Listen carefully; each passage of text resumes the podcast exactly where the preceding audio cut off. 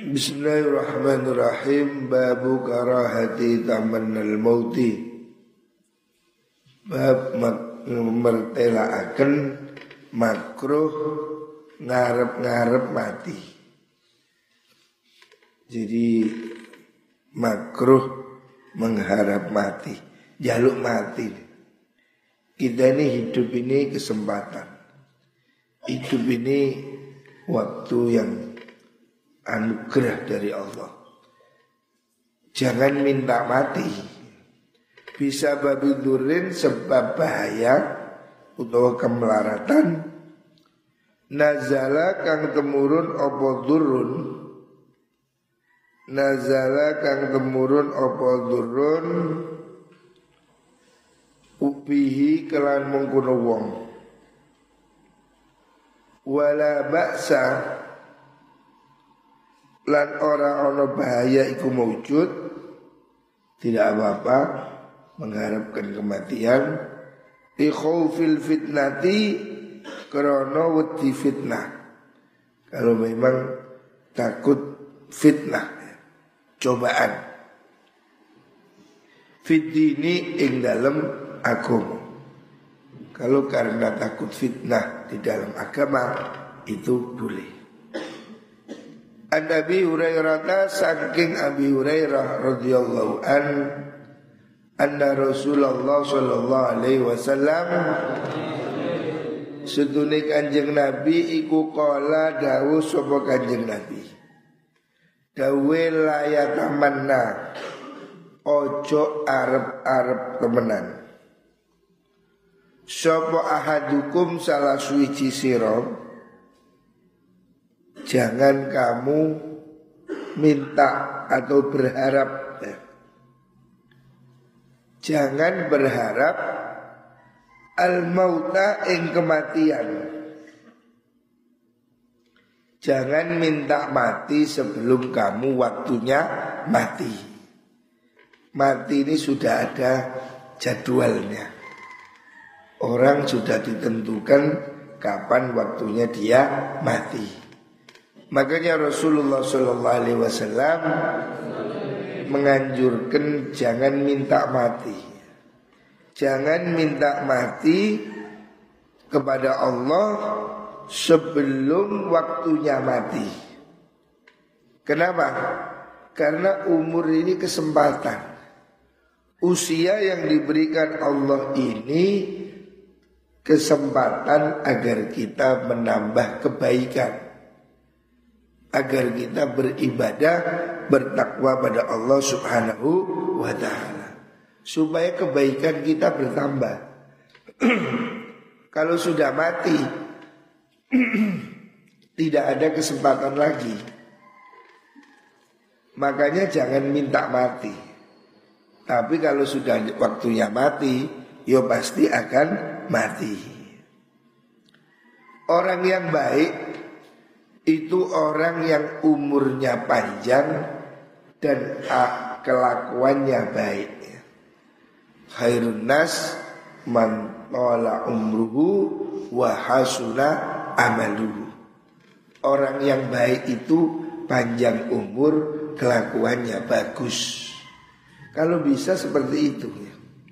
Jangan minta mati. Kita minta mati pun tidak akan mati kalau belum waktunya mati. Artinya jangan hidup pesimis karena nggak punya uang, karena sakit, karena melarat, terus minta mati. Itu cengeng. Kita ini hidup ya pastilah ada problem, ada masalah, ada cobaan. Jangan putus asa.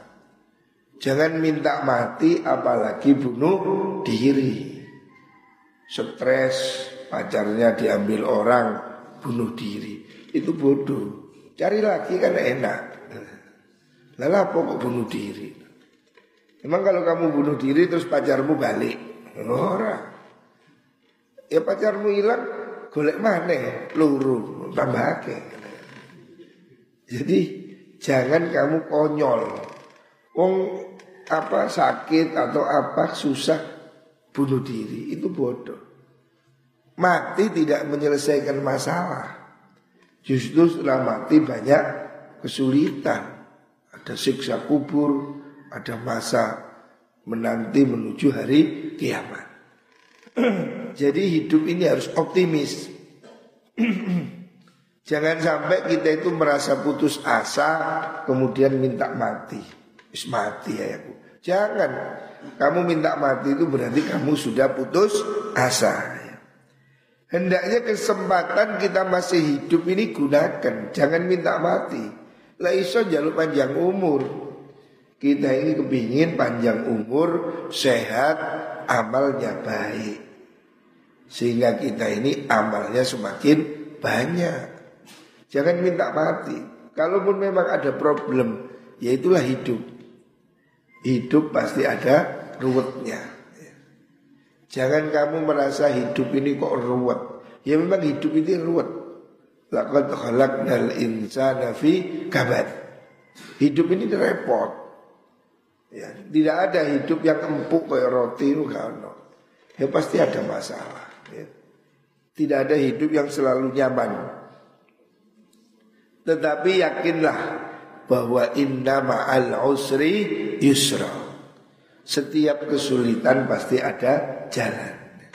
Jangan putus asa. Sehingga kita ini terus nikmati hidup setiap saat. Muka-muka masih diberi kesempatan panjang umur. Nikmati hidup ya. Jangan putus asa, jangan minta mati. Kita ini ya masalah pasti ada. Tetapi hidup ini terus harus berjalan. Terus kita berbuat baik ya. Jangan kita minta mati karena kalau kita ini mati malah kesempatan itu hilang. Kita belum taubat umpamanya. Dosa masih banyak. Mati. Ya. Belum ada penebusan. Mumpung masih hidup berbanyak istighfar, taubat. Muka-muka dibaringi panjang umur. Diberi kesehatan dan rezeki yang banyak. Amin Allahumma amin. Imam muhsinan Ono kalani wong iku wong kang gawe bagus sapa ahad fala allahu menawa menawa ahad iku yazdadu tambah-tambah sapa ahad sapa muh, muhsin wa imma musian lan ono kalane kang gawe Allah fala allahu mongko menawa menawa ahad iku yastatibu bali sapa mengkono ahad. Muttafaqun alaih. Hadis sahih muttafaqun alaih. Wa hadha lafzul bukhari jadi kesimpulannya hidup ini harus optimis. Jangan minta mati. Ya namanya hidup berani hidup berani mati. Kalau takut mati jangan hidup. Kalau takut hidup ya mati wahai. Hidup ini harus berani. Kita ini jangan sampai putus asa. Kata Rasulullah Sallallahu Alaihi Wasallam, Hidup ini kesempatan. Kalau kita baik supaya kebaikan Kalau kita ini bagus Maka kebaikan kita bertambah. Dengan kita masih hidup Kita terus berbuat baik. Kalaupun kita ini belum baik Maka hidup itu kesempatan untuk bertaubat. Jadi jalani hidup ini dengan senang. Kita ini harus syukur hidup ini nikmat, hidup ini anugerah. Wa fi riwayatin in dalam riwayat kang dia li muslimin kudu imam muslim an Abi Hurairah ta sangi Abu Hurairah radhiyallahu an an Rasulillah sallallahu alaihi wasallam qala dawu sapa kanjeng Nabi la yatamanna ojo arab-arab jangan berharap Sopo ahadukum salah suci sira kabeh al mauta ing mati. Wala yadaulan ojo wala yadu lan ojo ndonga sapa ahad bihi kelawan maut qabla ayat tiyahu sadurunge yen to teko apa maut hu ing ahad. Sebelum waktunya mati jangan minta mati. Inna usutini ahad iku idha mata nalikani mati sapa ahad ing qad among dadi pedot apa amalu amale ahad. Wa inna usutini kelakuan iku la yazidu ora nambahi al mukmina ing mukmin wong mukmin apa umru umure mukmin illa khairan angin ing kebagusan. Hidup ini kesempatan berbuat baik. Jadi jangan menyesali hidup. Namanya hidup ini ya pasti ada suka duka. Tapi jangan pernah putus asa. Masih sumpek, masih susah. Pasti ada jalan keluar. Kalau kamu yakin bersama Gusti Allah. Kita ini menjadi sedih, menjadi susah, karena jauh dari Gusti Allah. Kalau kita itu dekat dengan Allah, insya Allah pastilah tidak takut, tidak sedih. Sebab kita hidup bersama yang maha kuat. Untuk apa takut kalau kita bersama Gusti Allah? Wan Anasin dan saking sahabat Anas radhiyallahu an qala dawu sapa Anas Qala dawu sapa Rasulullah sallallahu alaihi wasallam La yatamanna yanna ahadukum La yatamanna yanna ojo arab-arab temenan Sopa ahadukum salah suci sira kabeh? Al mauta ing mati. Jangan sekali-kali kamu minta mati. Wala Mundiwa lidurrin krono bahaya. Asoba kangenani apa durun hu ing mengkono ahad jangan kamu berharap kematian. Kalaupun kamu mendapatkan kesulitan kesedihan musibah jangan minta mati. Jangan minta mati. Lewai mati mati dewi Fa ingkana lamun ono sebuah Iku la buddha ora kena ora Iku fa'ilan ngelakoni Kalau memang dia itu betul-betul Sudah terpaksa kepingin mati Jangan minta mati. Tapi redaksinya dirubah. Faliyakul mongko beci ngucapo sopeman. Allahumma do Allah ahyini. Mugi nguripakan panjenengan ni ingkulo makanat selagine ono opal hayatu urip iku khairan luwih bagus lima kula wa tawaffani lan mugi mateni mem, mem, bukan mateni apa? Mematikan sapa panjenengan ni ing kula. Idza kanat nalikane ono opal wafatu kematian iku khairan luwih bagus li kedue pulau jadi kalau kita itu dalam kesusahan, dalam kesulitan, baik urusan dunia, ekonomi susah umpamanya atau sakit ya. Jangan minta mati. Kalau kamu dalam kesusahan, kesedihan minta mati, berarti kamu sedang putus asa. Berarti kamu tidak nerimo dengan keputusan Gusti Allah kita sebagai mukmin ini harus nerimo kodok kodar khairihi wa syarihi minallahi ta'ala. Iku sapa ngantuk? Falak tuh ngantuk. Iku sapa ngantuk? Eh, tandingi falak ini. Hidup ini sudah diatur Gusti Allah. Baik buruk sudah diatur oleh Gusti Allah. Ya. Ini harus kita yakini bahwa semua ini ada skenario. Gusti Allah punya skenario. Kalau kamu minta mati, sakit minta mati, melarat minta mati, berarti kamu menunjukkan tidak rela dengan takdirnya Gusti Allah. Itu berarti kamu nggak nggak apa? Gak mau nerima takdir, tidak boleh ya. Kita ini hidup harus mau menerima takdirnya Gusti Allah. Siapa orang tidak rela dengan takdir keputusan Allah, silakan cari Tuhan selain Gusti Allah. Sebagai orang mukmin, ya kita harus nerima. Ya mungkin kita suatu saat sedih, sulit, sakit, melarat, kan duit, ya. Itu sudah romantika hidup. Terimalah hidup dengan suka cita. Sing terima. Kan duit duit ya alhamdulillah. Kan duit alhamdulillah. Enggak. Alhamdulillah kan duit duit gak keluyuran. Ya. Kan duit duit sekarang didi kayak ngaji ya. Kan enak. Lek disyukuri. Lek kon ngerso kan duit duit rek sumpah stres ya sumpah. Ya tetap sumpah tetap kan duit duit. Daripada begitu kan lebih baik kamu suka. Alhamdulillah kan duit duit bahagia.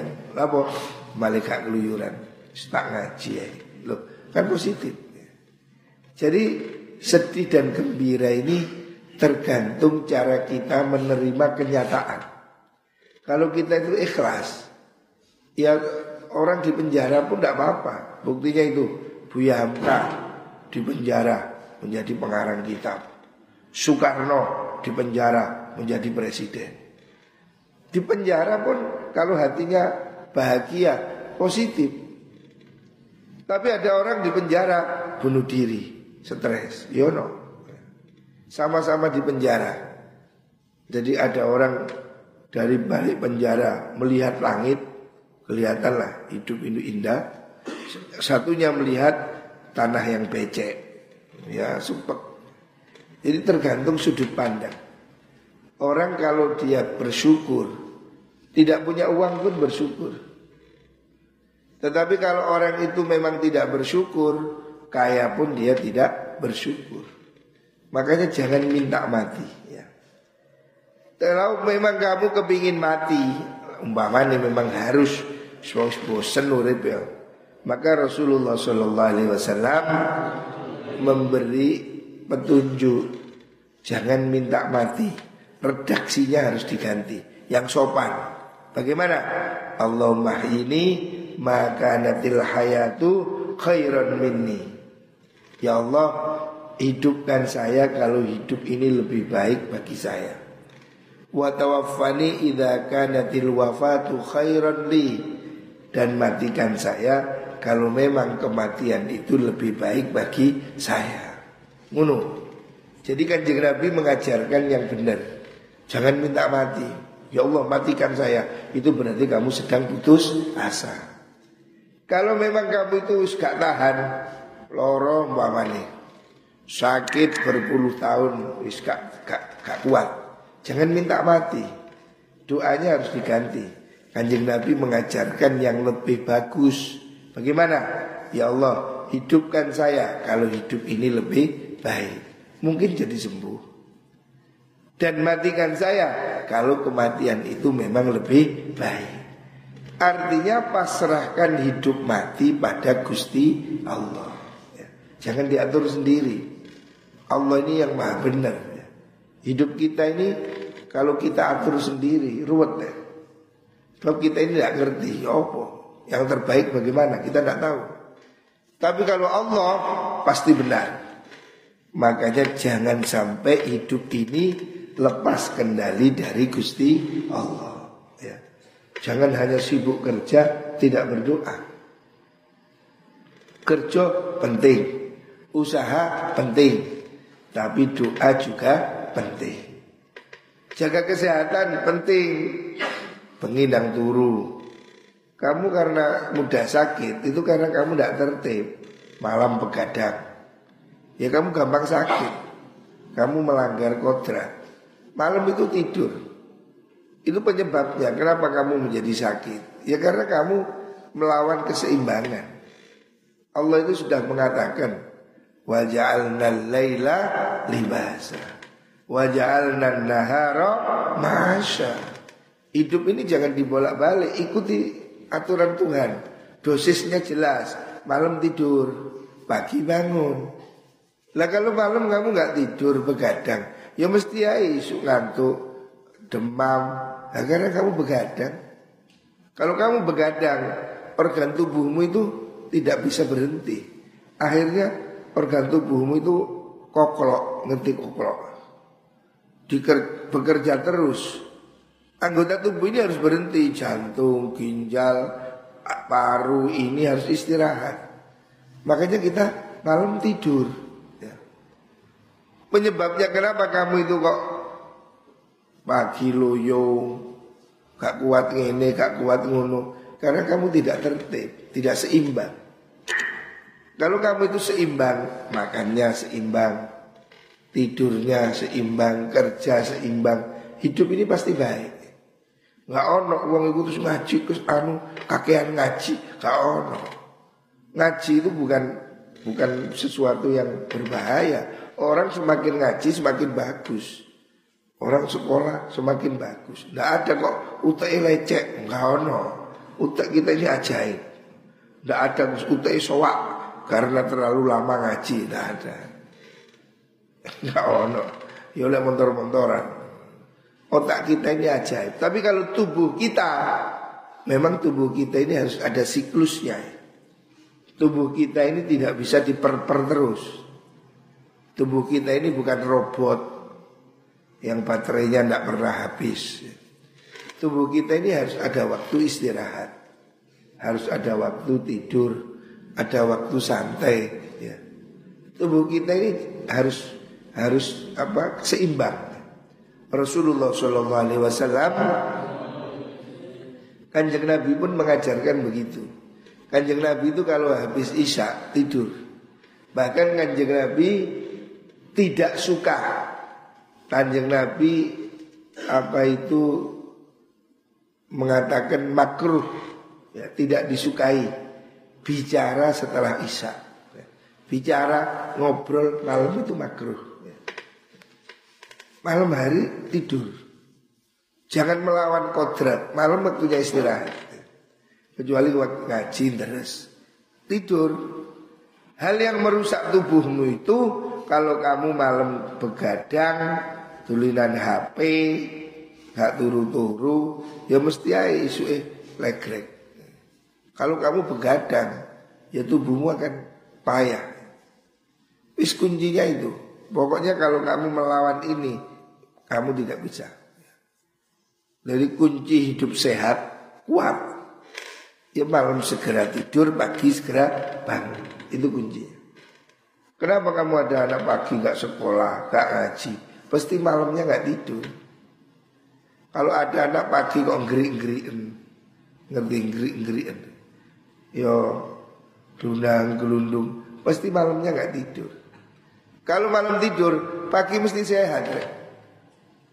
Itu salah satunya ngerokok. Orang itu kalau malam ngerokok gak turu-turu, sekali turu melek mana, sedot mana, gak bisa turu, sedot mana, gak turu-turu. Ini pegawai ini perokok. Makanya saya tidak suka ngerokok. Dulu saya merokok, sekarang saya berhenti total. Saya tidak merokok. Hidup jadi sehat. Kalau kamu kepingin sehat, hentikan rokok. Tidak ada gunanya rokok itu. Rokok itu hanya membuat kamu tidak bisa tidur. Malam hari begadang, ngerokok. Apa mana kopi ini? Wih cocok guys. Rokok dan kopi. Ya, itu. Racun dunia itu. Wes bengi turu isu ngantuk. Makanya ini harus dihentikan. Pokoknya kalau kamu mau hidup sehat, makmur, malam segera tidur, pagi segera bangun, itu sudah. Gak bisa yang lain. Kalau kamu malam begadang, is mesti isuk ngantuk, gak sekolah, gak ngaji, gak nyambut gawe, ya wis, awakmu isuk geluntung, sebab malam gak tidur. Makanya ini harus diseimbangkan. Cara umum manusia ini sama, sama persis. Ya tubuh kita ini perlu istirahat. Wong kanjeng Nabi juga tidur. Kalau kamu pagi itu keloron-loron, itu penyakitnya jelas. Kamu malam tidak tidur. Kamu malam main game, malam ngopi, malam ngerokok, itu sudah. Ya itu penyakitnya. Ini harus dirubah. Wan bunyi. Wan Qais bin Abi Hazim qal Dakhalna mlebu kita ala Khabab bin al-Aras ing atase sahabat Khabab Ibn al-Aras radhiyallahu anhu. Na'uduhu nyambangi ingsun nyambangi kita hu ing Khabab.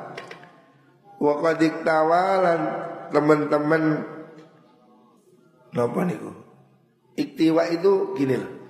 Obat zaman dulu itu ada kayun, ada fastun. Ada cantuk, ngerti cantuk. Bekam, ada kayun. Kayun itu dicos, dilubangi, dikeluarkan darahnya. Biasanya itu di, di kaki atau di mana. Jadi dicubles terus darahnya keluar gitu. di nadi. Tidak tahu tapi ada caranya. Itu pengobatan dengan cara dicubles, ya, dicos, kayatin. Sabu kayatin pitu piro-piro cublesan. Ya, maksudnya nih gulung. Ya apa gulung? Disuntik ya kalau sekarang disuntik, dikeluarkan darahnya. Ya. Coro maknobian cos, dicos, coblos maksudnya. Fakola mengkodawu sapa mengkono? Khabab Inna ashabana sudune piro-piro konjo kita. Alladzina rupane wong akeh salafu kang wis padha dhisik sop alladzina. Madhu padha liwat sapa mungkul alladzina. Walam tangkusum lan ora nyuto ora ngurangi hum ing alladzina apa dunya dunya wa inna lan sudah kita iku asopna ngenani kita ma ing perkara lana jidu kang ora nemu ingsun lahu maring mal maudhi'an ing panggonan Maksudnya orang-orang dahulu itu tidak bersenang-senang urusan dunia. Sedangkan kita asok tanganani kita mak ing perkara la najidu kang ora nemu sapa kita lahu maring mal maudhi'an ing panggonan illa turaba angin ing lebu. Maksudnya apa yang kita kumpulkan dari harta itu tidak ada gunanya.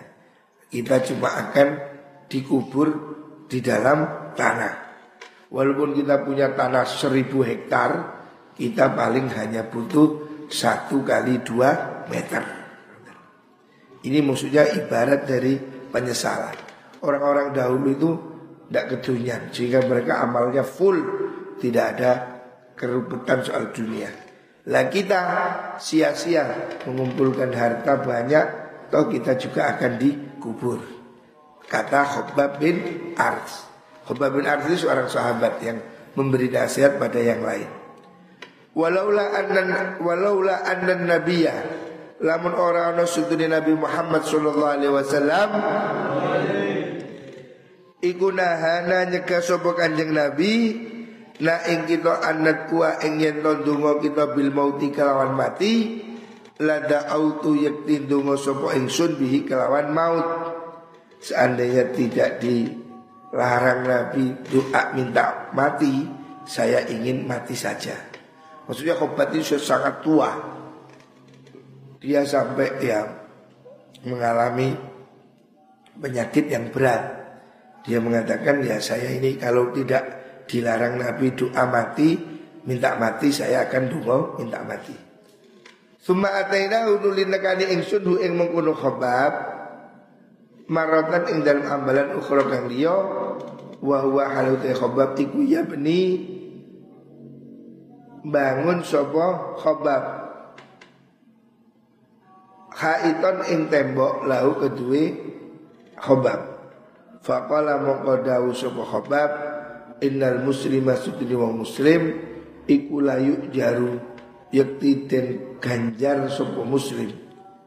Fi kulli syai'in ing dalam saben-saben suci yunfiquhu kang nafaqahaken sapa muslim hu ing syai' illa fi syai'in angin ing dalam suci-wici ya ja'alu kang dadiaken sapa kullun hu ing syai' fi hadat turabi ing dalam ikilah lebu. Ikilah debu maksudnya napa niku ya bangunan niku. Muttafaqun alaih ai hadzal hadis muttafaqun alaih. Maksudnya Rasulullah bukan Rasulullah, sahabat Rasulullah Shallallahu Alaihi Wasallam yang bernama Khobab bin Arth.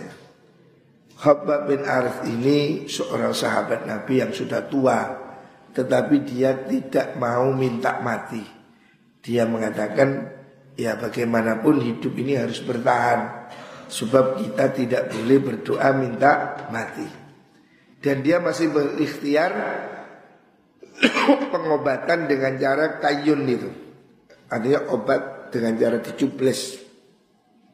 Teknologi pengobatan pada masa itu belum mengenal infus, belum mengenal yang aneh-aneh. pada zaman Rasulullah Sallallahu Alaihi Wasallam pengobatan terkenal itu masih bekam ya. Di di nama cantuk. Yang kedua itu di kayun dicos jadi di apa dicubles terus darahnya keluar. Maksudnya mengurangi darah kotor. Cubles di tempat di situ ada pembuluh keluar tapi tentu ini harus dilakukan oleh orang yang ahli namanya fastu kayu ya di dicubles ya. bahwasanya seseorang itu tidak boleh putus asa sahabat Khobab bin Arab ini sudah sampai 77 kali. Artinya dia mengalami pengobatan coro niki dioperasi lah tujuh kali. Tapi dia tetap bertahan hidup. Artinya dia tidak minta mati. Gitu. Karena memang Nabi melarang orang itu minta mati. Jadi walaupun sakit ya ikhtiar berobat ya. Jangan minta mati. Dan suatu saat sahabat yang Qais bin Abi Hazim ini ketemu Khobab sedang bangun nukang. Terus ditanya, buat apa pak? Dia mengatakan semua orang itu akan dapat pahala dari apa yang dia lakukan. Maksudnya beliau ini tetap bekerja. Khobab ini tetap dia ini walaupun sudah tua tapi tetap energik masih bekerja bangun tembok ya. Artinya dia tidak putus asa gitu. Sahabat Khobat bin Art ini menjadi contoh. Dia ini orang sangat tua, sudah sakit-sakitan, tapi dia juga tidak minta mati. Dan dia masih produktif, dia masih bekerja, membangun sesuatu. Dan ketika ditanya, untuk apa kok bikin pagar, bikin tembok? Dia bilang, semua hal itu pasti dapat pahala. Artinya hendaklah hidup ini selalu optimis ya. Walaupun kamu sudah tua, sudah pensiun, jangan berhenti berbuat baik. Walaupun sudah pensiun ya tetaplah nandur-nandur, tani apa gitu ya. Hidup kita ini harus terus berjalan sampai sudah saatnya kematian.